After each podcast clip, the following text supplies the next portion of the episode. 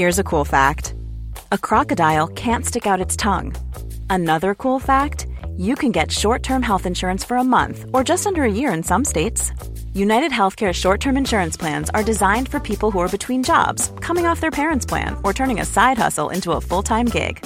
Underwritten by Golden Rule Insurance Company, they offer flexible, budget friendly coverage with access to a nationwide network of doctors and hospitals. Get more cool facts about United Healthcare short term plans at uh1.com. Ready to pop the question? The jewelers at BlueNile.com have got sparkle down to a science with beautiful lab grown diamonds worthy of your most brilliant moments. Their lab grown diamonds are independently graded and guaranteed identical to natural diamonds, and they're ready to ship to your door. Go to BlueNile.com and use promo code LISTEN to get $50 off your purchase of $500 or more. That's code LISTEN at BlueNile.com for $50 off. BlueNile.com code LISTEN. Hallå! Simon Gärdenfors heter jag och snart börjar min podcast Arkivsamtal som klipps av min redaktör Marcus Blomgren. Mycket nöje!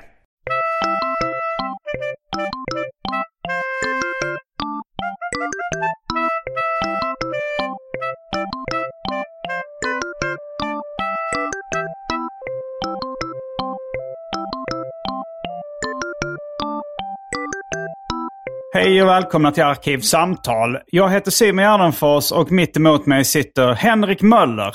Ja, Välkommen eh, till min lägenhet. tack så mycket. Trevligt. Jättefin lägenhet. Jag har inte varit här förut. Nej, det, du har varit med i, den här podden ett antal gånger men vi har ofta spelat in när jag varit i Malmö. Någon gång hemma hos min morsa, någon gång på en kyrkogård på en bänk. Och någon gång var vi på något sunkigt ställe där mitt ungefär vid det eh, hemlösas eh, boende, något högtoleransboende, det, vid Sunk-Ica på Möllan. Lånar du någon eh, grej? Jag kan väl låna min brorsas lägenhet eller någonting. Nej, det, var, det här var någon eh, sån poddstudio, eller vad- det var någonting. Det var, Ah, ja, inte. det kanske det var ja. Ja. Eh, mm, men du är känd som nollbudgetfilmare. Just det. Och eh, du håller på med lite eh, allt möjligt inom kultur och nöje. Lite på samma sätt som jag gör. Ja. Du skri- eh, har skrivit böcker, tecknat, Ja. filmat, poddat med mera. ja, och till och med kört lite stand-up också. Just det. En Hur väldigt gig kort eh, har och sorglig gjort? historia. Eh, fyra gig tror jag det var. Mm. Eh, väldigt små. Det, det största var på mejeriet då. Ja, men det är Eh, ganska stort. Det var rätt stort. Det var Mm. avslutningen på det hela. Det var Lena Frisk och några andra. Så att det Mm. var en bra avslutning. Ja. Det- Men fyra gig, då har du inte riktigt gett en uh, ärlig chans. Ja, det kan man säga. Jag, jag upptäckte det. Jag tror jag körde något gig och sen dagen efter gjorde den här Anton Magnussons avsnitt 100 av hans podd. Ja, ja. Eh, och då hade jag jobbat, eh, jobbat ganska långa pass och så hade jag eh, bara ätit flottig pizza, rökt massa cigg och druckit öl. Så att, eh, jag fick någon form av magkatarr på jobb där. Så, Jaha. ja, så jag fick åka till akuten. Och Oj. så kände jag att nej, men fan, alltså, det här är för stressigt för mig eh, i den här höga åldern. Så att jag, jag kände att nej, nej, jag fixar inte det. Jag Vad vet är magkatarr egentligen? Ja, men det är väl när eh, magen inte pallar längre, när man har ätit för dåligt och stressat. Ja.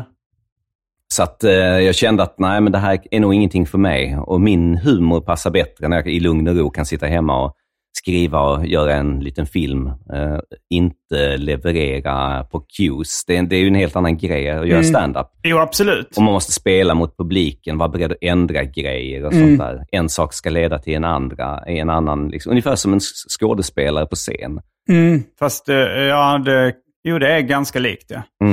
Mm. Eh, nej, om, man inte vill göra det ska man inte fortsätta. Men eh, fyra Mm. gig känner jag, är, om man nu är sugen på det så är det lite för eh, kort tid för att utvärdera ens. Ja. Ja, Jag, tror, jag tror att jag var mer nyfiken på hur det var Ja. att göra det.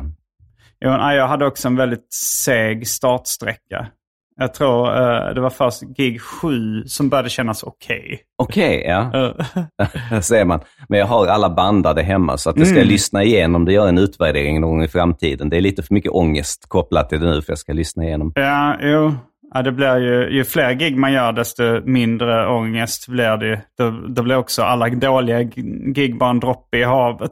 Exakt, det är jättebra. Jag tror jag skickade faktiskt mitt första gig till dig och lyssnade på det allra första jag gjorde. Det var ju inte jättebra, men det, det var väl det var så 15 minuter eller någonting sånt. Ja, jag, jag minns knappt. Alltså jag, jag minns att jag har hört.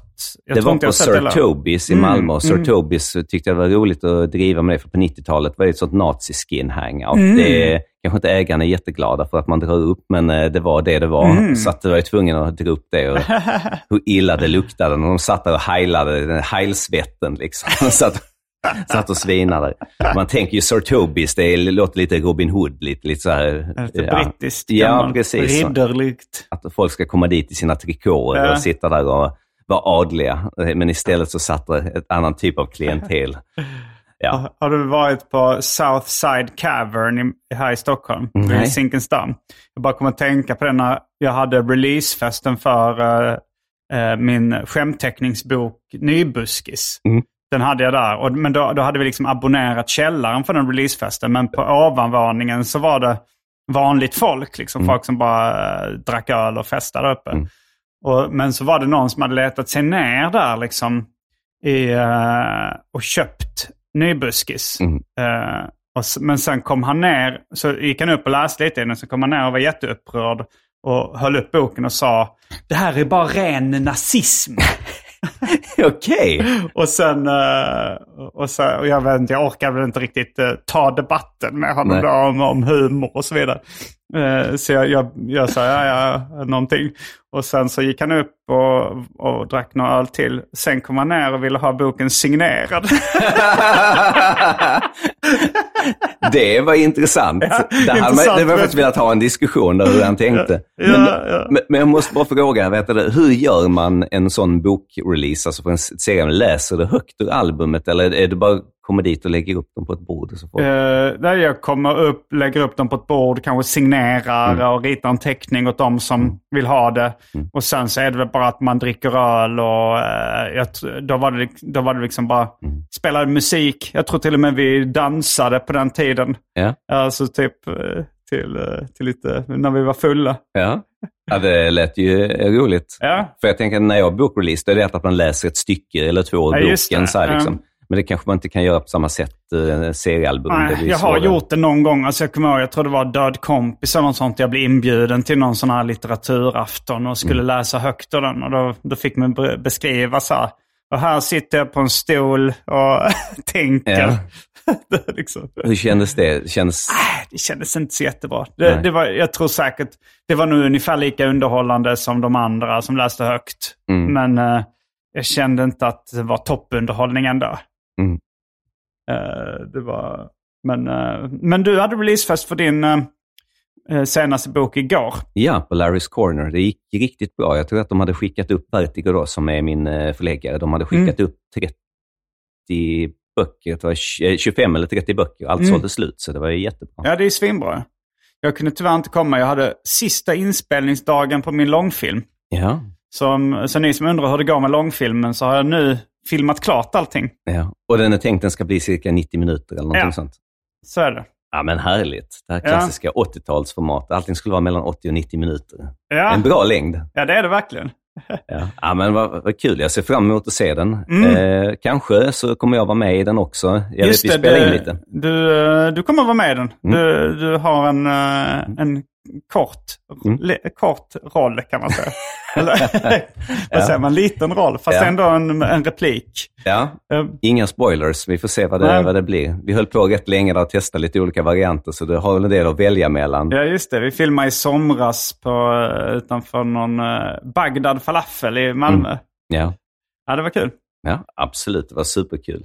Mm. Du, på tal om... Eh, nu får jag passa på att outa detta här. Jag var ju eh, på Arman Reinsons eh, Håll käften ungjävel eh, föreställning stand-up alltså i, i Malmö. Jag var på den i. Stockholm. Den var skitbra. Mm. Eh, Det var en jävligt dräggig publik som hamnade på första raden, där jag också satt. Eh, Ja. Jag vet, jag vet inte vad Arman tyckte, men jag vet att eh, Petrina som körde före var rätt sur på, på dem. Det var två riktigt dräggiga figurer som var fulla. och En var så full så han somnade.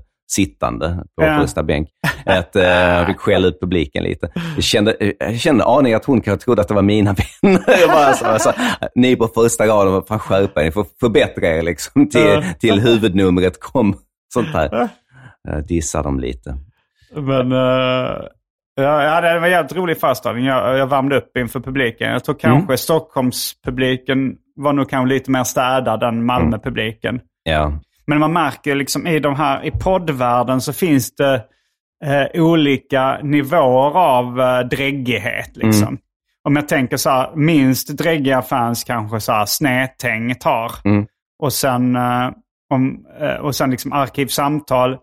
Inte speciellt dräggiga, men ändå kanske lite mer drägg än, än eh, arkivsamtal. ja, Och sen kommer så här specialisterna podcast. Ja. Där börjar riktiga svin dyka upp liksom. Och sen kommer så här nu då Dubbel trubbel per podcast med Anton. Och Mm. Där är de lite värre liksom. Och sen kanske det, uh, Music Yearnings podcaster. Där är det där är liksom scum of the earth samlas. det låter skitbra. Ja. För Kim var ju där också som då eh, Arman har matat grisen med. Just det, Eh, och- Hyper, rapparen. Ja, precis. Känt som. Ja, men, eh, och, och där var några av dem eh, som satt på första rad och försökte vara roliga och vet, och dra Ja. lite egna vitsar liksom eh, under och kommentera och sånt där. De, det var några som hängde efter dem. Kim var så jävla förbannad minns jag efteråt, eller om det var Arman, jag minns inte.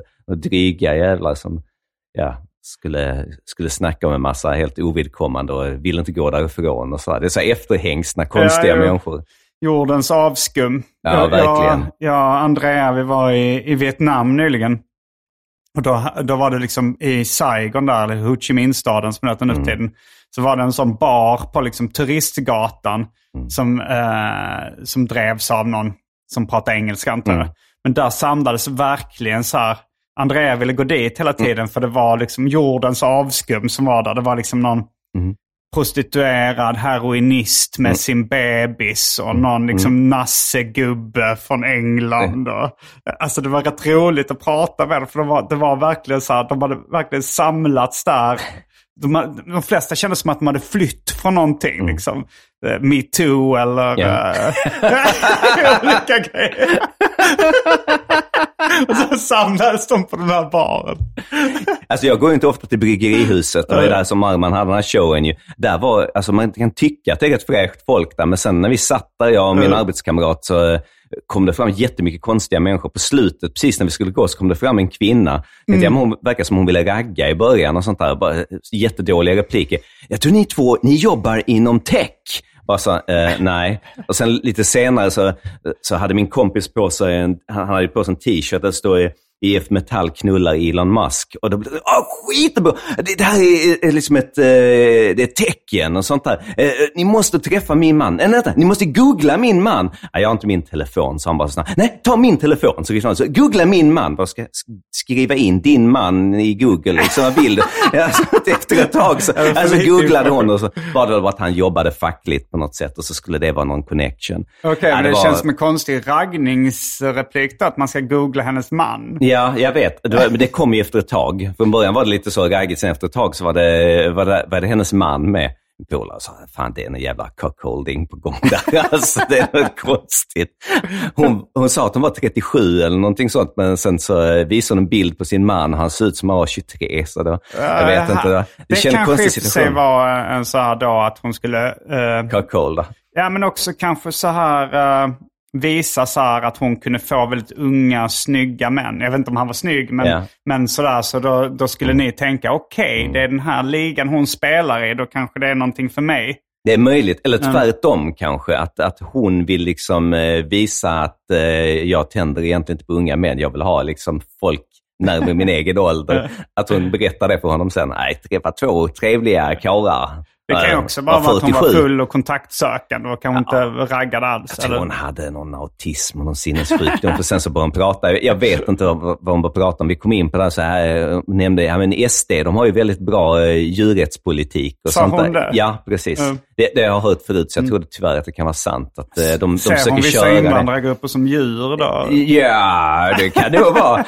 Jag tänkte snarare så här, sen efter ett tag så ja, men sa min på ja men eh, Hitler var ju också en stor djurvän. Då svarade hon, ja men Hitler han var en bra människa på många sätt och vis. Den har jag aldrig hört från en kvinna på krogen för att jag var lite ny. Jävla tungt. Men hon visste inte vem du var sen innan? Nej, nej, nej. De visste, hon visste inte. Hon var, För det är ändå kanske liksom om, om hon vet att du Mm. har eh, en viss subversiv eh, kulturproduktion Ja. så, så skulle det kunna vara därför. Hon ville vara lite skojig. Alltså, du, drar, du är väl något av en shit magnet? Att du drar till dig mycket knasiga människor och, Jo. och sådär. Det tror jag vi har pratat om förr. Ja. Men det har eh, dämpats lite med sistone. Ibland träffar man ju idioter, men Ja. det här att folk skickar grejer till en har ju tagit slut. Det var någon som skickade en, eh, en, kä- en mänsklig käke Mm. eh, från en sån här biologiskelett. Eh, Förr var det riktiga skelett de byggde. De satte Mm. ihop med sån här eh, gummiband, eller vad säger man, sån här eh, spring i käken. Han hade skickat en sån till mig och så ville han hävda att han var nekrofil. Och sen skickade han med några bilder. Han gnider sitt halvslaka kön mot gommen på något gammalt kranium. Och, Ja, det, det där eh, brister i trovärdigheten. Ja, ja. Att han är halvslak. Han hade varit stenhård Det om det han jag menar. Det- det- Så det, var, det, det brast. Lite så konstiga människor. Folk som skickade nötter och stenar. Jag fick ett sånt, sånt här jättestort, tre gånger tre decimeter stort skolfoto på den här personen i fråga då, i mellanstadien. Han har hockeyfrissa, utstående tänder. Väldigt så US trash liksom. Ja. Och en liten, liten morakniv eh, där han hade ristat in mitt namn på eh, handtaget där. Liksom. Oj, ja. Kan tolkas som ett hot. Jag ja. vet inte. Ja, men det, är väl lite så. Jag känner ibland också det här, man får de fansen man förtjänar. Liksom. Ja, ja. När, ifall man, eh, ifall man är, har en extremt dräggig humor så kommer kanske extremt dräggiga människor uppskatta den. Så är det ju. Eller folk, många folk med ADHD, Tourette som känner att de måste, liksom, de behöver hävda sig hela tiden. De, Ja. de gillar bara när det är extremt obehagligt. Ja, jävlar. Nej, det har varit många figurer genom tiderna som jag har träffat. Mm. Nu har det blivit dags för det omåttligt populära inslaget Välj drycken.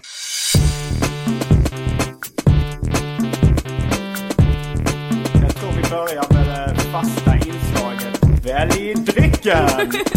Och eh, det jag har till att bjuda på eh, Fanta Zero med smak av apelsin. Eh, Brooklyn Golden eh, IPA. Champagne. Eh, sprit av alla dess eh, sorter och slag. Jag har nog eh, de flesta kända sort, spritsorter eh, kända för mänskligheten. Det finns mellanmjölk, det finns eh, mandelmjölk, det finns pulverkaffe. Det finns häxblandningen, det vill säga alla drycker som fanns i min kyl innan den genomgick en så kallad corporate rebranding. Och för tråkmånsar och nejsägare, vatten. Ja, ja, jag skulle kunna tänka mig att dricka lite sprit. Jag vet inte. Mm. Eh, Du får gärna välja. Jag vill inte vara för framfusig. Ja men eh, det, jag, jag tänker nästan du får följa med till mitt... Nu, nu är det så många spritsorter så att liksom, det skulle ta halva programmet att räkna upp dem. Ja. Så det är nästan lättare om du följer med till spritskapet och väljer vad Ja. du vill ha. Eh, jag kanske då tar den här eh, ensamma ölen som Mm. eh, jag vilmrade från logen i Sundsvall när jag var Ja. där senast. Du känner till eh, begreppet vilmra? Nej? Det är då Wilmer X var kända för att när liksom de tömde logen på innehåll i kylskåpet och sådär, de tog med i ryggsäckarna all öl och, och alkohol och, och snacks och sånt som fanns. Så när man, man liksom snor med sig någonting från Ja. logen, det är att vilmra kallas det. Okej. Låter som en hamster som stoppar här, kinderna fulla liksom. Ja. Ja, ja okej. Ja, du har ju, jag en av mina favoritfilmer som du varit Mm. inblandad i är ju den här, eh, det här bandet som är väldigt inspirerad av Wilmer, som de Just kallar det. dem. Ja.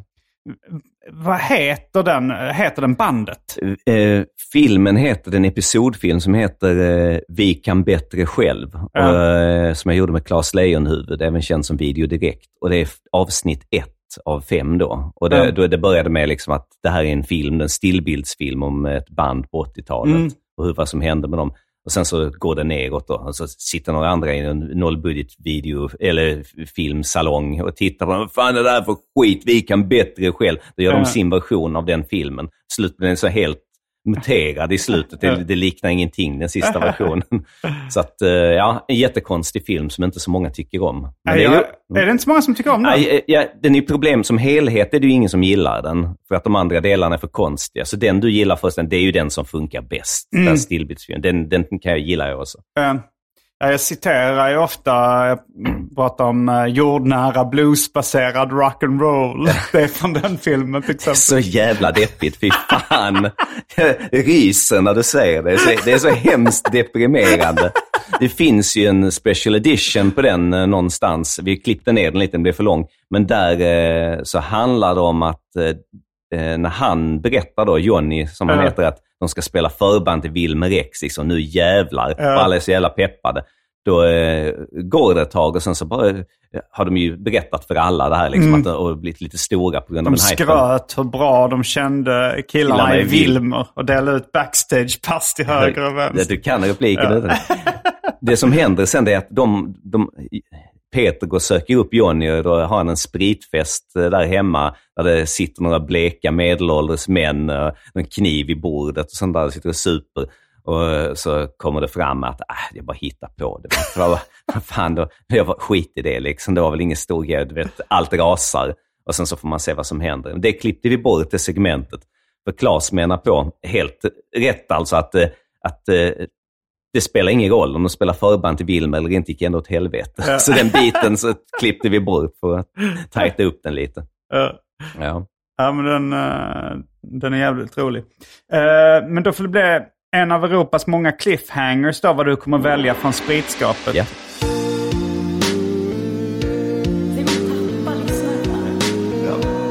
Europas sämsta cliffhanger. Och jag tar den eh, ensamma ölen som jag vilmrat. Ja. Då är vi strax tillbaks med dryckerna, kända från det omåttligt populära inslaget Välj drycken. Häng med!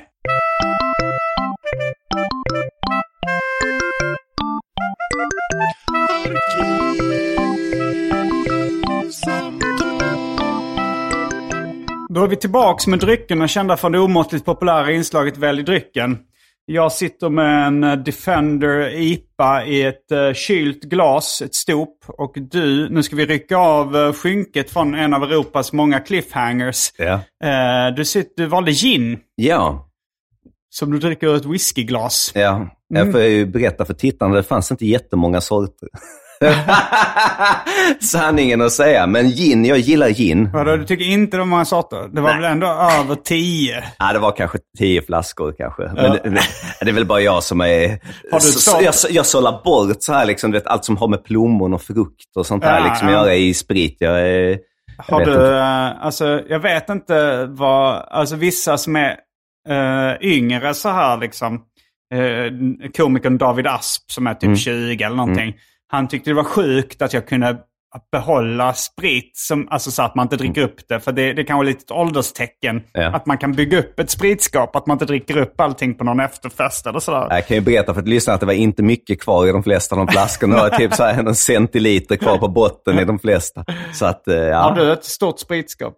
Eh, nej, jag har bara några flaskor whisky. Så att jag har väl Mm. typ tre flaskor whisky och en flaska rom har jag kanske som Okej, står ja.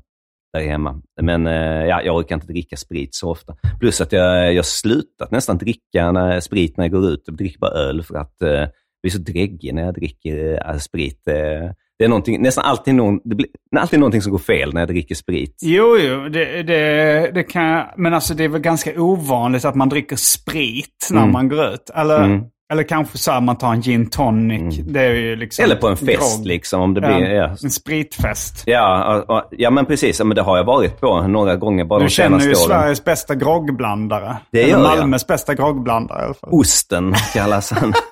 Peter Östberg, ja. legend ja. Ja, nej, är, han blandar ju en grogg. eh, Den här historien tål nog berättas igen. Jag tror inte jag berättat om din podd, men jag och Claes var filmade med honom någon gång för Ja. några av våra Malmöfilmer. Och då, så hade han tjatat jättelänge att han skulle blanda en grogg till oss. Jag måste blanda en grogg till. Och till slut så... Han har eh, skrytit om hur bra han var. Ja, hur bra han var ja. Det var där det här föddes, det här konceptet. och då, och då det, visade det sig, vi förstod det efter ett tag, att eh, det är alltid HB. Och Mm. eh, hans favoritdryck är ju Coca då ju. Coca- Mm. Även känd för Coca-Cola. Som Coca-Cola, för de som inte vet. Eh, ja, och då eh, så blandade han groggen i några väldigt flottiga, otvättade glas och så sköt han fram den till oss och så drack vi och satt han lite och nickade så instämde Var det gott eller? Var det gott? eller vi- visst var den god? Liksom så här. Vi bara ja, det var HB och Kocka. Det var rätt schysst blandning. Smakade inte jättemycket sprit så det var väl ändå lyckat får man säga. Där föddes den här idén då till den här karaktären i mina Ja. ritade filmer. Just där det. han är Malmös bästa groggblandare. Det finns Ja. t-shirts att köpa via Shirtpod och sånt där med Malmös bästa groggblandare. Med några citat. Men är han inte med i Ostens slav också? Jo, han är med. Det är Alltså, han själv som spelar. Ja. Sen har jag ju ritade filmer där jag tecknar av honom som en ja. mer extrem karaktär. Jag försökte få med honom som Mm. äh, skadis i Mina Problem. Den karaktären som heter Bosse i Mm. avsnittet med Arman och Färska Prinsen. Mm. Eh, det är det avsnitt som heter Flickvännen. Jag tror det är avsnitt fem Mhm. eller fyra. Men, eh, och jag kontaktade det för, för jag tyckte liksom han skulle vara en bra skadis Mm. till karaktären Bosse. Mm. Eh, men eh, jag, jag tror inte Osten kommer vinna pris som årets kommunikatör. Nej, Han var inte lätt, jättelätt att kommunicera med. var konstigt. Ja, han brukar inte vara jättepå. Eh, Han tjatar, eh, en period tjatade han ju jättemycket att han skulle vara med. Kan vi inte spela in en ny film snart? Kan vi inte spela in en ny film snart? Eh, det kan vara att han inte kände mig. Och blev Ja, så- kanske blev nojig, jag vet inte. Men eh, istället så var det eh, en kille som heter Andan som är komiker. Mhm. Eller han kallas för Andan. Som, eh, som spelade Bosse då liksom. Som, Ja. Har du sett det avsnittet? eh, eller har du sett Den som heter Flickvännen? Ja. Ja, jo, den har jag sett.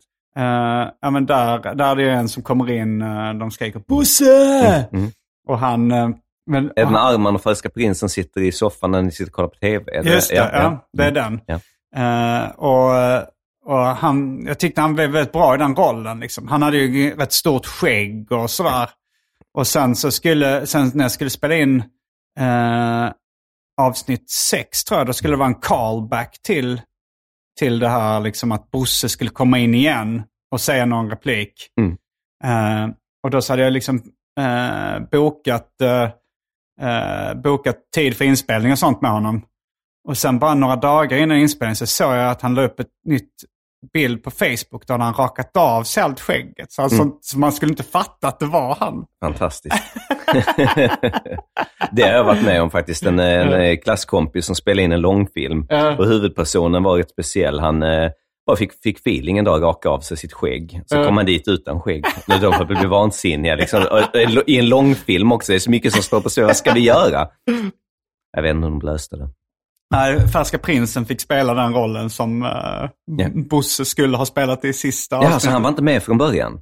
Eh, jo, alltså Färska Prinsen var med. eh, Alltså det, det är ju då en scen där, eh, Mm. där Bosse kommer in. uh, så säger han så här, Bosse! Och så pekar han på Färska Prinsen. Så här, Våldtäktskingen! och så säger han, uh, uh, ah. Och säger han, dömd i tings, friad i hov. Eh, och sen så skulle det vara då... eh, så är det ju någon tråd om eh, en, att Sven Melander spelar en karaktär i sista avsnittet. Och han har en kompis som, som kallas för Volle då. Ja. Och så undrar jag ifall det är för att han är dömd för våldtäkt. Han säger att det är någonting han blir dömd för. Ja. Så säger han, nej han blir dömd för vållande till annans död. Är därför han kallas för våld. Ja, det är bra, man kan göra mycket med det ordet. Och, så, och sen så i slutet då så, eh, så råkar jag eh, döda en kvinna. Alltså det blir en vållande till annans död. Ja. Och då var, det, då, då var tanken att, eh, att Bosse skulle komma in i slutet och peka på mig och skrika Volle! och så skulle jag säga dömd i tings, fred i hav och så vidare. Eller den grejen. Men sen så, hade, så skulle man inte fatta att det var samma person eftersom man har ett helt annat utseende. Mm. Så då blev det istället eh, Färska Prinsen som fick gå in och säga Volle och peka på mig i slutet.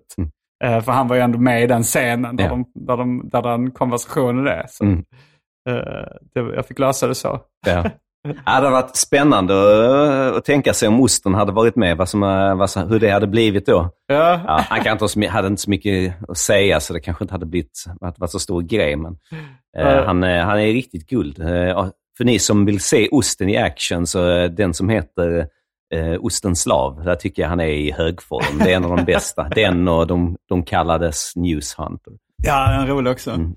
Vad gör osten idag? Ja, han, eh, han har väl någon sån, jag vet inte ens vad det heter, när man, när man får jobba, jag vet inte, så här parkförvaltningen typ. Skyddad verkstad? Jag vet inte vad det heter. Samhall? Nej. Han jobbar i Folkets Park i alla fall, vet jag. Ja. Så att, eh, ja, han lägger upp lite, lite bilder. Nu är det helg och så skriver han H-E-L-L med stora bokstäver och sen litet G. Okej. I sann metalanda då liksom. Nu är det helg. Är han hårdrockare? Ja, han är gammal hårdrockare. Mm.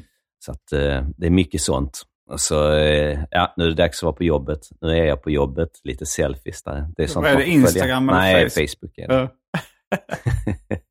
Ja. eh, vi, vi snackade om att vi skulle prata om ungdomskulturer idag. Att du har en viss det. inblick i nya ungdomskulturer. Ja, precis. Eh, Jag jobbar ju på fritids nu och så här, så att eh, jobbar jag med barn i lågstadiet och så fort någon berättar eh, vad de eh, kollar på för någonting så blir jag intresserad. Gå hem och googla. Vad fan är det kidsen kollar på idag? Ja. Det är, ibland är det rätt fucked up grejer. Alltså är det på TikTok och sånt då? Det är eller? både TikTok, men det mesta TikTok finns ju på YouTube också att kolla på. För att det, Ja. det är som multi...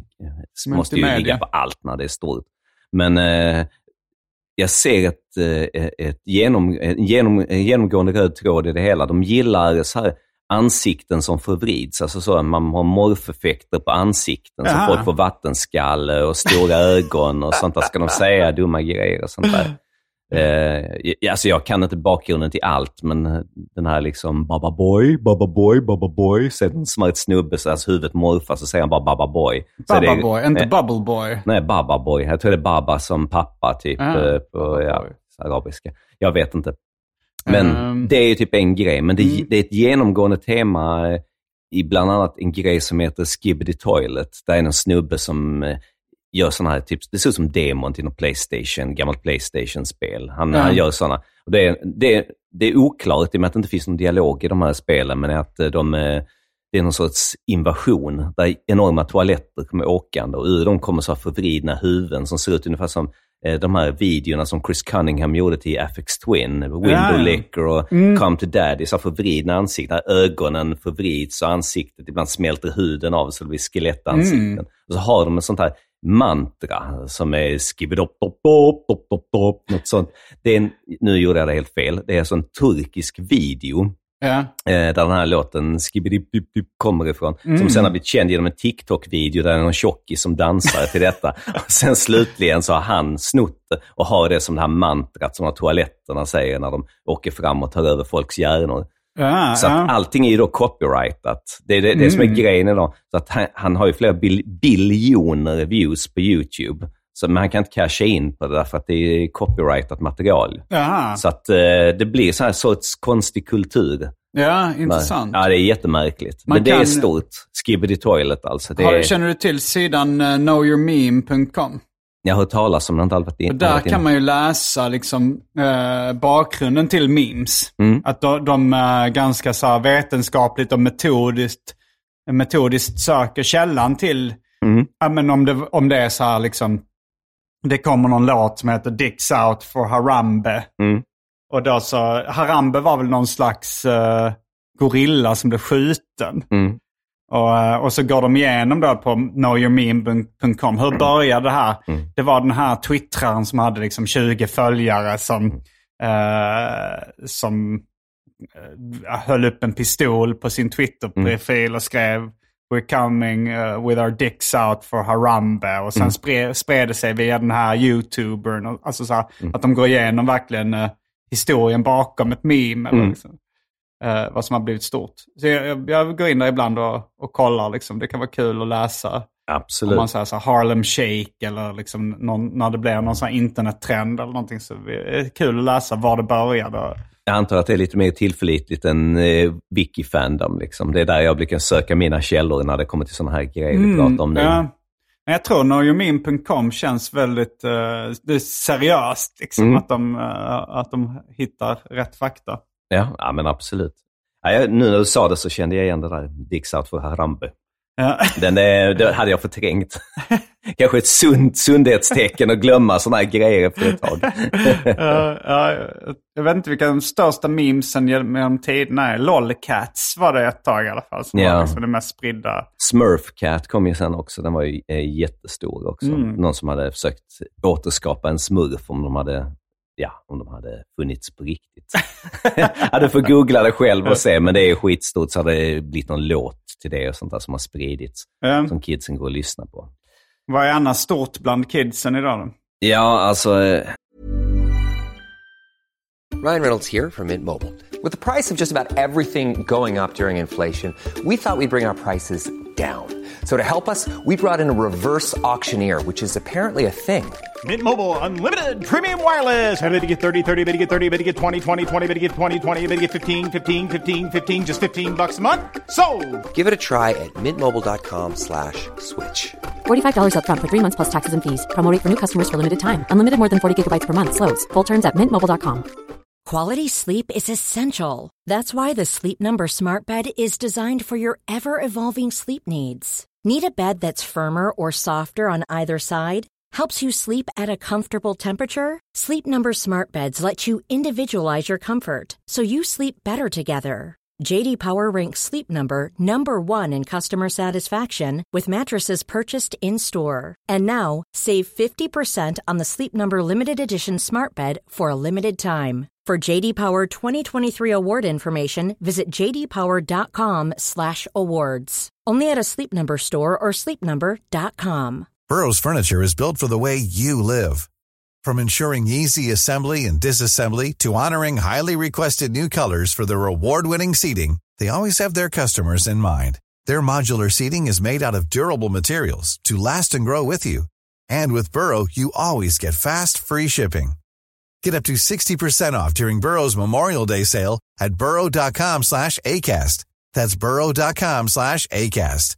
burrow.com slash ACAST. Vad fan är det mer nu? Den här ginen börjar funka nu. Det, det största var väl egentligen Skibidi Toilet som bara spridits. och det är så sjukt för att alla tittar ju inte på den här skiten, utan det är ju bara, eh, det är bara vissa som kollar på det. Sen så eh, går andra bara och nynnar på den här låten. De vet inte vad det handlar om. Det var liksom för att den är ju så, den är så catchy. Men eh, jag vet att det var en kille som gick i, i förskoleklass som gick och sa, så, kollar du verkligen på de här filmerna? Alltså de är rätt eh, obehagliga. Frågade alltså, du honom Jag det? frågade honom det Mm. för att jag, jag, jag kollade ju på det och jag tyckte Ja. att det var obehagligt. Alltså jag Ah, blev, ju- för de har, de har så här skräckfilmsestetik i Mm. den med så visual och audio distortions och sånt där. Lite psy- Ja. psykedeliskt och psykotiskt. Att de, de är obehagliga, de här ansiktena. Mm. Framförallt liksom för en 5-6-åring. Så frågade jag, kollar du på det här? Ja, jag kollar med min farsa. Och han hatar det! ja, det förstår jag, sa jag. Ja. ja, men det är rätt intressant det liksom hur, eh, hur gammal man måste vara för olika saker. Alltså jag var nu på, eh, när eh, David Liljemark fyllde 50, så var jag liksom och firade honom hemma hos honom då. Och då, då gav jag honom lite gamla DJ Röv-original som jag hade, eftersom vi har gjort de scenerna tillsammans då. Med Kalle Törn också som tredje medlem i kollektivet. Men, eh, men då var det så att han, hans son var väl kanske så här 12 eller 13 och en annan son var 15. Och då var det så här, okej det här ska jag inte visa för dem, det är för snuskigt liksom, Ja. eller för grov humor. Ja. Men eh, sen så var det ju Davids fru frågade så här, men ni kollar väl, ni läste väl den typen av serier när ni var i deras ålder? Så Ja. man får, jo det gjorde man ju. Det var ju så här eh, Megapyton och Brök och Mm. Pox och Epix. Mhm. Och det var nog betydligt grövre grejer. Eller ja, Ja. i och för sig. Eh, DJ Röv var väl kanske en, ännu en nivå av grov humor som inte hade varit i... Jo, i och för sig Crumb, Robert Crumb som var med i Pox och Epix och Mm. sånt var nog ungefär lika grov. Ja. Eh, kanske värre ibland, jag vet inte. Jo, men absolut. Men Mm. eh, fick han titta på det då? Eh, nej, inte då vid det tillfället. Men det är kanske värre då om hans farsa varit inblandad i de här Ja, grejerna att bara läsa någonting. Ja. Eh, Ja, jag undanhåller ju det för mina barn. Liksom, vad fan, eh, jag tänker, tycker inte att jag behöver dela min humor med dem. Det kan Nej. de ju få upptäcka. hur gamla är dina barn? Eh, åtta och tre. Så att, Okej, det är eh, lite... Alltså jag kommer ihåg, jag kanske var 12-13 då Mm. när jag började läsa Python. Och började liksom värmas upp till den Mm. grova humorn. Men, eh, I, ja, jag vet inte. I början, jag var nog ändå lite pryd. Jag kommer Mm. ihåg att jag, jag blev lite äcklad när folk liksom var för snuskiga eh, när jag var liksom barn. Mm. Alltså för, man, det, var- det var ju alltid något, liksom, någon Mm. dräggig unge som skulle liksom eh, skämta om sex eller kiss och bajs på Mm. något äckligt sätt. Mm. Liksom. Eh, men sen så när jag väl fick smak på liksom, vulgär Mm. underhållning så, så ville jag ju ha så, så stark vara som möjligt. Mm. Fast i och för sig vissa gånger så kände jag så ah nu blev det lite för mycket. Jag fick tag i ett, ett nummer av ah, en, en, ett danskt fanzine som hette Achtung. Mhm. Och då kände jag, uff det här var lite grovt alltså. Ja.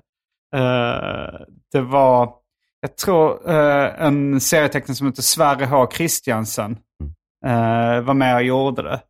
Men då var det verkligen så här liksom, uh, ja men, eh, en nazist förintelseskämt och Mm. de knullar någon i liksom näsborren och kom i hans hjärna. Så Mm. den, alltså så var- Ja. ja, men det är sant. Måttstocken är ju om det är, om det är roligt, om man tycker att det är humor. Sen ibland eh, kan Jo, men ju ibland kan det ju vara också alltså, så att man måste värmas upp till det. Mm. Jag, om jag hade läst den Sverre H. Kristensson-serien idag Mm. från Achtung Mm. så hade jag säkert bara tyckt ja men det här var lite kul. Liksom. Mm. Jag hade nog inte blivit chockad på samma Nej. sätt som jag blev då som eh, jag, kan, jag kan ha varit 14 eller Mm. 13 eller någonting när jag läste den. Jag, bara så, Oj, det, jag hade ju läst Python och Brök och sånt. Och, Mm. Men i början kommer jag ihåg att jag tyckte det var lite äckligt. När jag läste första nummer av Python det var lite spännande. Men jag tyckte ändå, oj det här är... Det här var jag inte beredd på liksom. Mhm. Ja, men det är eh, bra. Mm. Nej men, nej, men just det att så tycker man att det är, är det ett skämt. Liksom. Det, det är svårt att definiera ett skämt, men ibland Ja. kan något bara slängas ut helt plumpt och så kanske man skrattar ändå. Men, men du förstår vad jag menar. Alltså, när, Ja. det, när det finns ändå någon form av, man förstår att det är någon form av komisk twist på det. Eh, det är Jo. väl det som är mått, måttstocken någonstans för om det, det blir roligt. Jo, men det kan ju också vara så här... ehm, ja, men jag, För jag, Epic så de var ju inte alltid roliga. Det var ju ibland Nej. alltså, rätt seriösa serier. Så här, du vet, vad heter han? Milo Manara och de. Han kunde ju ibland inte alltid vara så rolig, utan det var ju Ja. mer så här erotiska serier. Liksom, hans fantasier.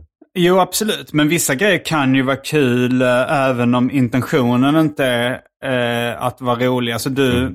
Alltså om, du, om du hittar någon, något psykfall på sociala medier eller YouTube som inte försöker vara rolig men som är ofrivilligt rolig. Det kan ju också vara kul. Absolut. Men oftast, de brukar oftast vara så one trick pony, att de har en grej som är rolig och sen tittar man på resten av materialet och så fattar man att ah, men den här snubben skulle inte vara rolig alls, utan det, det var bara att den här grejen råkade bli kul. Mm. Resten av det är inte alls kul. Vad jag- heter jag han gissar- som har en sexklubb i Trelleborg som lägger upp... eh, har du sett honom på YouTube? Ja, nu Eh, vet jag precis. Han har eh, något finskt. Harko Siponen, va? Ja, just det. Ja.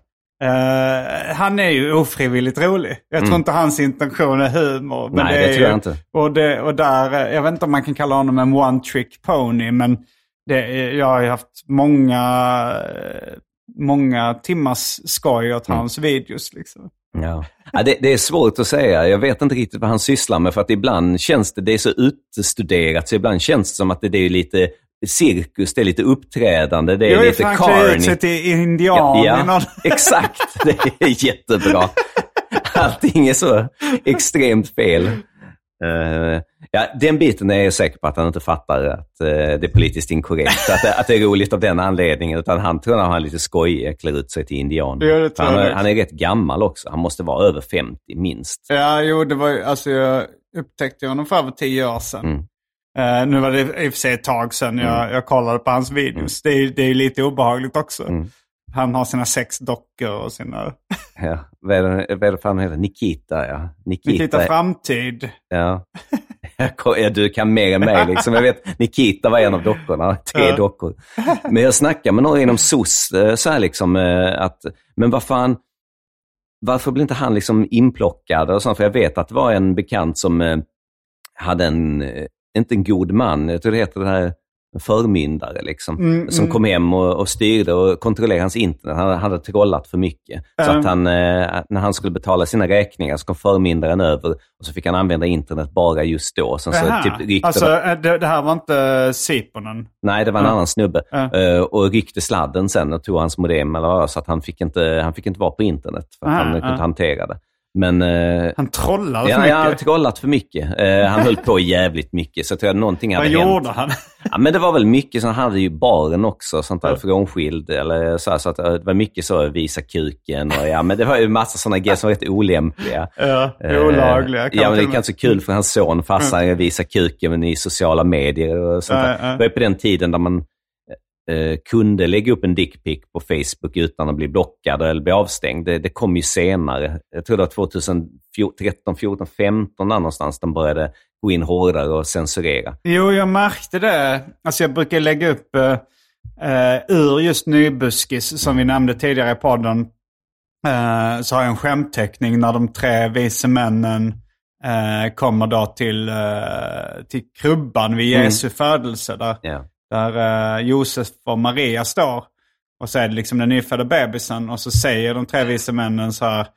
Får man fortfarande knulla Jesusbarnet för lite guld, rökelse och myrra? Ja. Och den, den skämtteckningen liksom brukade jag posta varje julafton. Mm.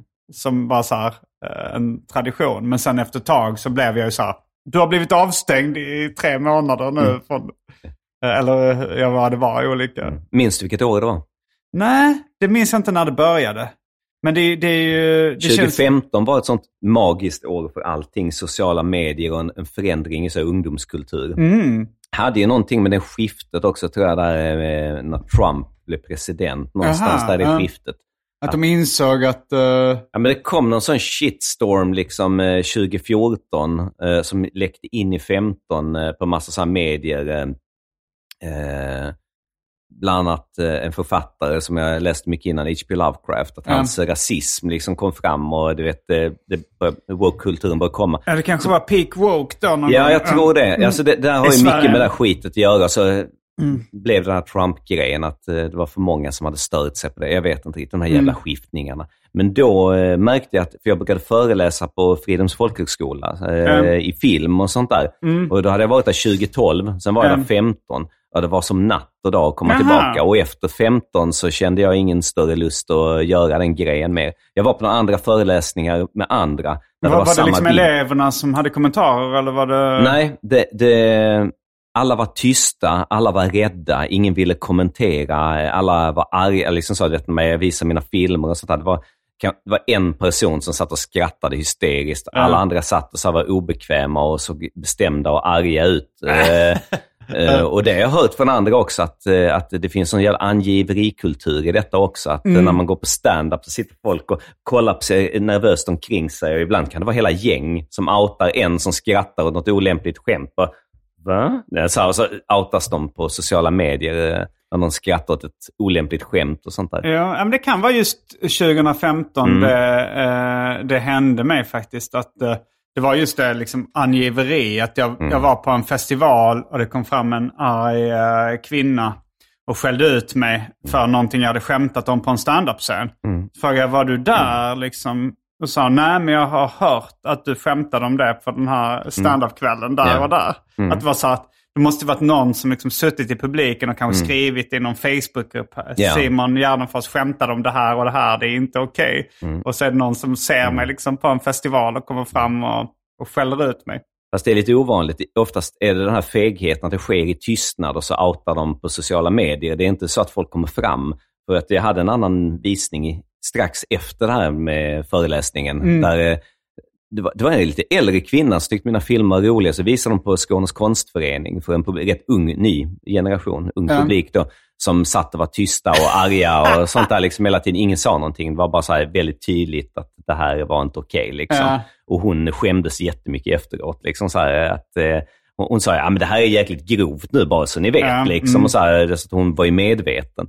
Men eh, det var inte, det var inte alls det, eh, vet du, hon, ha- effekten hon hade räknat med. Nej. Så där kände man lite grann att det var en tydlig skiftning. Ja, att, men det har eh, lite gått över sedan dess. Alltså 2015 är ju ändå snart Ja. eh, nio år sedan.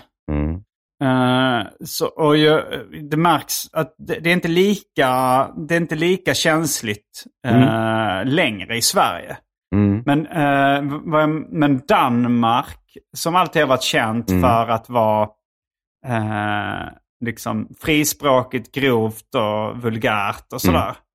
Eh, jag har fått intrycket av att de nu har hamnat där Sverige är 2015. Okej.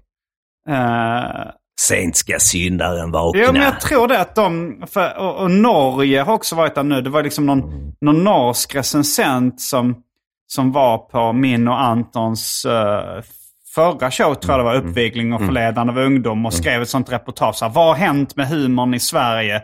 De skämtar om liksom eh, våldtäkt och pedofili och eh, rasism och eh, homofobi. Alltså så här, de eh, var väl så här, moraliskt upprörda som att det eh, var en grej.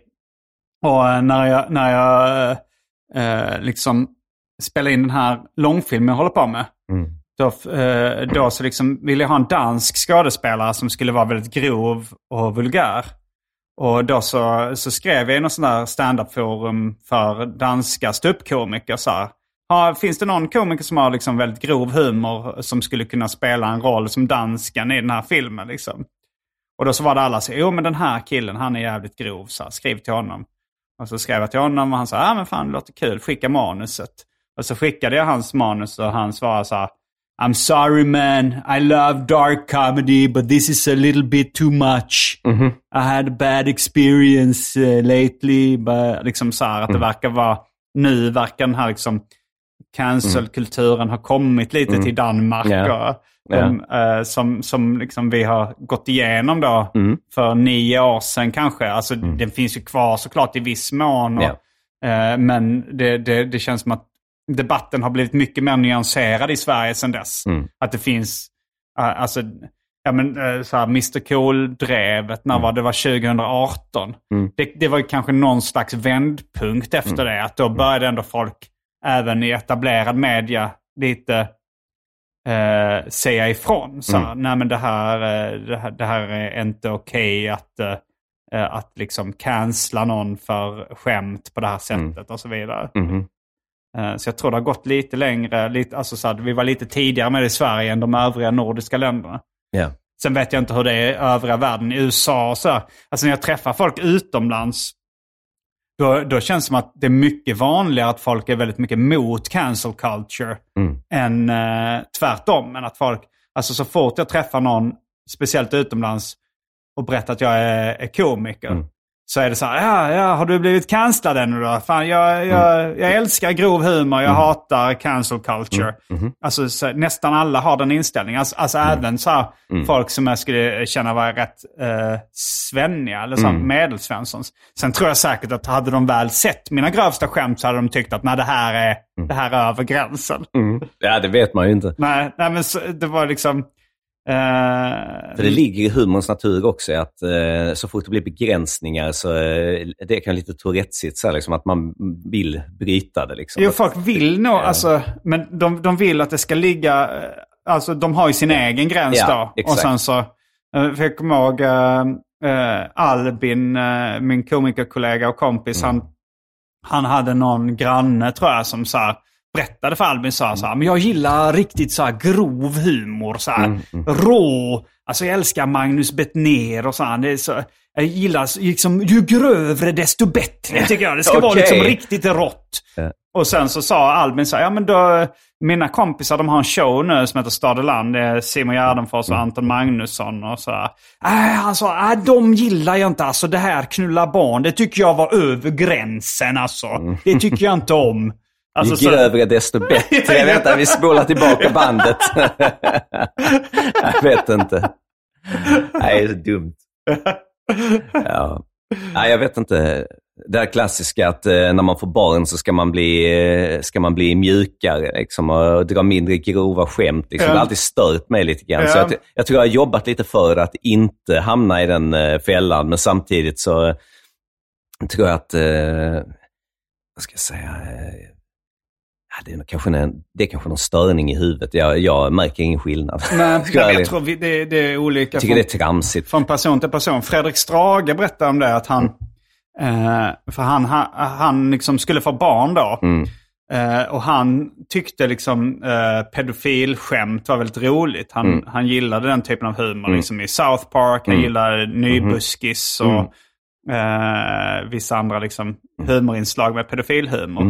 Mm. Men sen så, när, eh, så, så var det hans kompis som hade haft barn som sa så här, men du kommer inte tycka det är roligt längre när du själv får barn. Ja. Jag kan lova dig. Jag, han, Hans polare då sa jag slutade själv tycka sånt var kul när jag fick barn. och då trodde Strage på det. Ja. Eh, och han tyckte så här, fan vad synd, jag som älskar de här skämten och Ja. de här grejerna. Så han tänkte Han så här, sörja i förtid. Nej, men han började så här, han tänkte så här, okej nu får jag passa på innan jag får barn då och frossa i den här typen av Så han började liksom eh, så här, leta upp de South Park-avsnitten och började Ja. läsa om ny buskis och så här. Inför så här, men nu är sista chansen jag kan njuta av den här Du, typen av... det skulle du kunna göra en serie om. Att det bara spårar ur från det så plötsligt sitter han och go äh, googlar riktig pedofilporr liksom, i slutändan. Liksom, så, jag måste gå ännu längre i detta. Liksom. Det kommer jag inte tycka är kul. Så. Ja. Men sen berättade han att när han väl fick, han slutade inte tycka det var kul. Nej. När han fick barn. Tack och lov. Ja. men det är roligt Nej, att men jag menar- trodde på det.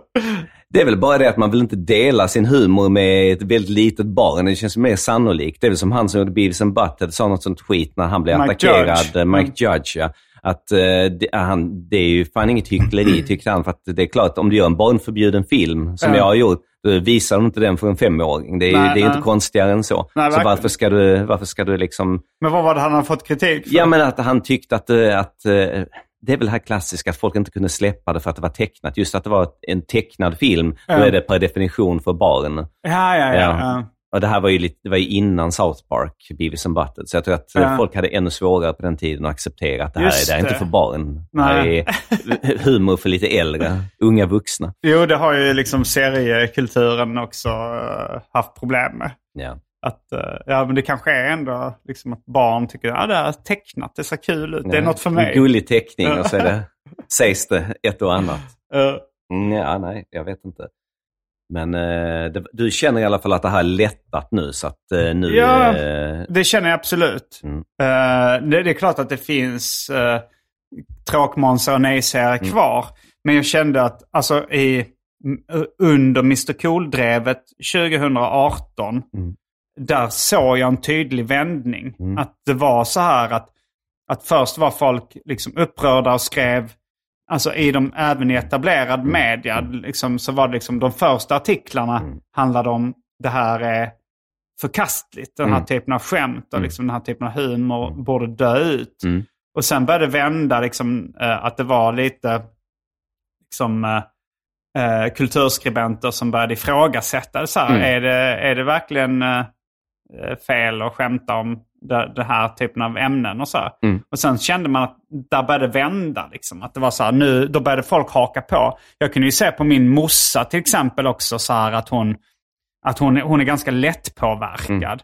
Att hon, eh, när hon liksom hörde de första eh, eh, arga rösterna om vår låt då så, så sa hon så också, "Ja, men jag tycker också den här låten är fruktansvärd. Och jag ty- alltså, och sen, men sen när hon började läsa de här artiklarna av kulturskribenter som försvarade så här, jo men det ligger något i det, man ska kunna skämta om allt. Mm. Alltså så att de vände väldigt, eh, väldigt snabbt beroende, alltså man behöver en auktoritet som säger någonting och så lyssnar väldigt många. Ja. Nej, absolut. Jag tycker det, det, det ligger någonting i det. Det är, väl, det är väl allting som internet i stort, att man eh, måste lära sig att avkoda grejer. Ja. Det, är, att det är lätt man sugs med i början. Skulle, skulle ha en mardröm. Min, mamma, hon är ju så gammal, hon använder ju inte sin iPhone eller sin, eller sin smartphone på det sättet. Men om hon hade varit ute på nätet, hon hade gått på alla bluffar, allting som skickas. Liksom. Hon kan ju inte avkoda någonting, fake news eller någonting. Liksom. Hon Nej. är ju helt avskärmad från den världen. Så att eh, ur det perspektivet så är det väl någonting man måste lära sig, allting. Ja, jo, eh, så är det ju. Vanlig, vanlig tryckt, alltså tidningar och sånt där, de är ju lite mer kontrollerade i alla fall vad, Mm. som, eh, vad som går igenom. Skulle jag gissa på. Jag måste berätta en, eh, en rolig, hemsk historia på tal om det här med, det har inte så mycket med fake news att göra, men att till exempel Sydsvenskan nere i Malmö har blivit eh, betydligt sunkigare och börjat eh, slänga sig med sådana här kvällspressrubriker och sånt där. Jag hittade Mm, mm. En snubbe på Nydala där jag hade vuxit upp. Han, hade, han, hade, ja, han, var, han var väl ledsen, han hade väl problem, så hade han styckat sin bästa kompis och lagt i, i frysen. och så var det en historia. Att Jag han har bara hade, skrattat att du, att du, att du sa, skulle liksom, ja han var väl ledsen. ja, ja, ja, du behöver förklara. Jag är medveten om vad jag säger, trots att jag börjar bli påverkad av ginet. Nej, men eh, nej, var, hur som helst så hade han väl ringt till eh, SOS då och, och, berättat detta för han hade ångrat sig i Ja. efterhand. Och så, eh, så, så kom de dit och så berättade han historien och sånt där. Överskriften till artikeln var en sista sil och så stod det så här liksom, eh, men innan socialtjänsten körde honom till häktet gick, fick han gå in på toalett, gick han in på toaletten och tog sig en sista sil medan socialtjänsten väntade. så jävla tungt! Och så en sista sil liksom. Det är jävla Det bra. roligt. Det är sjukt roligt. Inte de fattar. De, jo, klart de fattade hur roliga de var. Ja. Självfallet visste de det. Man skriver inte en sån överskrift. Eh, jag kom på en grej som jag har eh, eh, tänkt på mycket nu. Med, ja, men det, det är så himla konstigt. Du har ju uh, jag pratar mycket om Larry David i den här podden. Ja.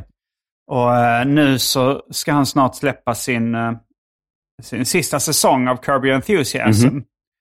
Och då så har han gått ut med något statement på internet som är så... Jag fattar inte om han skojar och, eller om han är allvarlig. Eller, men och han, frågade mig som är sämst i världen på avkoda. Ja, men det kör. Ja, nej, kör. han skriver så här. As Curb comes to an end, I will now have the opportunity to finally shed this Larry David persona and become the person God intended me to be. The thoughtful, the thoughtful, kind, caring, considerate human being I was until I got derailed by portraying this malignant character. And so, citat Larry David, slutcitat, I bid you farewell. Your misanthrop- misanthropy, hur uttalas det på engelska? Misanthropy. misanthropy will not be missed. And for those uh, of you uh, who would like to get in touch with me, you can reach me at the Doctors Without Border- Borders. Larry David. Okej. Alltså, Eh, han- han ska han börja verkar- jobba för dem då eller? Jag antar det. Han har ju väldigt mycket pengar. Så Mm. jag, jag tror inte, han är inte utbildad läkare, men han kan ju säkert finansiera vissa projekt och sådär. Ja, precis. Han, kan, Eh. han sa ju inte i, i, var, hur och var han skulle jobba inom Nej. Doctors Without Borders. Det finns väl många positioner där. Nej, men alltså om... eh, jag, jag, på ett sätt hoppas jag att det är ett skämt. Mm. Att han... eh, För att det låter ju väldigt humorlöst. Extremt humorlöst. Eh. Jag gissar ju på att det här är på fullt allvar. För folk kan ju få Jag en, gissar också att det är knäpp fullt också. allvar. Vad sa du? Ja, folk kan få en knäpp ibland Ja, han börjar bli gammal ja, liksom. och bli trött liksom också på det här Ja. skitet. Liksom. Eh, Det säger ju väldigt många, det är så att eh, jag gillar inte den personen jag var när jag var ung. Liksom. Ja. Hur många som helst har sagt det. Liksom. Alltså, jag, jag är glad att jag la ner och gick vidare. Ja, men, bara ta ett exempel. Mike Tyson sa det bästa jag gjort är att sluta med boxning. Jag gillar inte den personen jag var då. Liksom. Nej. Han var en dålig människa. Jag vill inte vara den längre. Exa- Och jag har hört det i många olika sammanhang. Så det här låter ju som ytterligare en sån grej. Någon som har blivit äldre och liksom lagt demonerna bakom sig och känner att de behöver bevisa något längre. De har cashat in. Liksom, nu räcker det. Ja, men det, men det är ju ändå liksom... eh, ja, men det är tråkigt, för det, det, det är ju den misantropin Mm. och den här cynismen som är så stor del av hans humor. Ja, ja. Och, eh, och Men det är ju stort att han har fattat att det är det som gör humorn. Så istället för att göra en ny säsong som är tråkig så Ja, väljer ja. han att lägga ner. För han vet vad publiken vill ha. Jo. Eh, ja, men, ja, jag skulle också gissa på att han är fullt allvarlig. För att det är för subtil humor nästan för Ja. att... eh, Ja, alltså det är, det var inte speci- är det humor så är det inte speciellt roligt. Eller Ja, och då tycker jag, alltså om det Ja. kommer fram så här, äh, skojar bara. Då hade jag ändå tyckt att fan vad sig. ball. I och för sig. Ja, det hade jag nog fan tyckt också. Ja, nej, men jag, jag gissar på att det tyvärr är sant Ja, jo. för oss fansen. Nej, så Är du också bli. fan av Curb? Ja, Eller- jag är inte så stor fan som min mamma. Hon älskar, Ja. älskar vad fan heter den på svenska? Simma lugnt Larry. Simma lugnt Larry, ja. Ja. Precis. Nej, hon älskar den. Ja, det, jag, Det är hon som har indoktrinerat mig i den. Så Mm. du måste titta på den. Så att jag, Ja, det är roligt. Men eh, du var inte Seinfeld-fan innan? eh, Jo, men det var jag. Ehm, men eh, jag vet inte, jag var inte världens största fan heller. Utan var inte så jag följde slaviskt varje avsnitt, utan när det kom så tittade jag. Ja. Vi kanske ska prata mer om dina humorförebilder. Det kanske vi har gjort. Har vi gjort det jag tror vi har gjort Ja, det. Vi, har pratar om det. svenska serier och sånt. Gamla, Ja, gamla svenska vi serier. om, eh, s- eh, ja men, eh, vad hette han, Ralle Balle Bög? Ja, men han nu heter... Nu, Svenningsson. Svenningsson, ja. Just det. Hette Magnus Svenningsson? Ja, jag hittade en bild på honom på internet. För jag Ja. ville se hur han såg ut. Så hittade jag en bild. Han såg ut som en Kalles Kaviar-grabb. Väldigt så i blå skjorta och slips. Han såg väldigt frireligiös ut på bilden. Och så här, leende. Riktig spjuver. Men eh, det är roligt ju. Att han ser, ser, ser ut som han hade tänkt sig. En sån tecknare skulle vara. Det tänkte jag på när du pratade om så här, men Larry David. Ja, men ju Också just att han pratar om Gud. eh, det Mm. Ja. känns ju lite... Han ju Väldigt aldrig, amerikanskt. Ja, men han f- aldrig för... Han har ju liksom mer varit så här eh, ateist innan. Liksom. Mm. Eh, vilket jag tycker är konstigt. Men eh, att han har blivit. Men jag tänkte på rapparen Zeron från Mobbade barn med automatvapen. Mm. Eh, för han hittar liksom eh, Gud. Han Mm. var ju med liksom i det här bandet som hade väldigt tramsig och grov humor och Mm. sådär. Men sen hittade han Gud. Han var väl säkert i tidiga 20-årsåldern eller något sånt där. Och, eh, och hoppade av bandet då Mm. liksom. Men han började, eh, han började liksom göra kristen rapmusik sen. Mm. Vilket inte är speciellt spännande att lyssna på överhuvudtaget. Nej. Det är väl li- lite liksom- ett tag sen också. Ja, att alla, tror alla kan inte bli Sebbe Stax. nej, nej, men det, det, jag, det är väl inte så kul alltså, eh, att lyssna på Sebbe Stax kristna låtar heller. Nej, nej, nej, men jag menar att, eh, att han hade väl mer framgång eh, än, än vad han hade. Om man nu ska tala om framgång, jag vet inte riktigt. Att Sebbe Stax hade mer framgång som En- kristen. Ja, inte mer än vad han hade innan, men jag bara menar att, att, att det, han är väl en av de få som liksom fortfarande får uppmärksamhet för den grejen. Eh, när han gör det här, för vad är det, är, det Svenska kyrkan? Eller vem, vem, det är någon mission eller någonting sånt han jobbar för. ja. De kanske blir hans PR-agenter då, jag vet inte. Eh, nej, jag har inte så bra koll. Men, uh, men, men serien fortsatte i alla fall sen liksom efter ett tag med att göra kristen rap. Mm. Du snackade om att det var bra då att Larry David la ner istället för att fortsätta Exakt. göra den här, om han skulle göra någon varm och god underhållning. Ja, Men också en intressant grej med serien då var att, för, att, eh, med, för jag fattar ju inte att han var, hade haft en kristen uppväxt Mm. och sådär innan. Men när man lyssnar på hans texter liksom med den vetskapen så är det så här, okej, han svär aldrig. Mm. Han, han säger aldrig liksom fan eller jävlar eller Mm. liksom, Mhm. men eh, det är mycket homofobi i Ja. hans texter. Det är mycket böghat. Liksom, Ja. vilket så här, ku- det, det kunde han ändå liksom med sina kristna värderingar ställa upp för. Men inte att svära. Nej, precis. Ja, man märker ju vissa trender, så att, eh, vad, vad som är socialt accepterat och inte. Så att, eh, ja, jag vet inte. Herregud. Mm. Ja, Men eh, hänger du med in i den Patreon-exklusiva världen? ja. Varje vecka så släpper jag ett bonusavsnitt av den här podden exklusivt för er som donerar en valfri summa per avsnitt på patreon.com arkivsamtal. Patreon.com arkivsamtal alltså. Det finns redan över 40 exklusiva avsnitt som du får tillgång till. Så det är mycket kul för valfri slant. Vill du bara vara schysst och säga tack för åratal av underhållning så kan du även swisha en slant på 0760 72 47 28. All denna info finns även i avsnittsbeskrivningen. Och glöm inte att följa mig på Instagram och andra sociala medier. Där bjuds det på gratis skämt och mycket annat. Eh, då eh, så tackar jag för att du medverkar i detta ordinarie avsnitt av Arkivsamtal. Tack så mycket. Eh, jag heter Simon Gärdenfors. Jag heter Henrik Möller. Fullbordat samtal.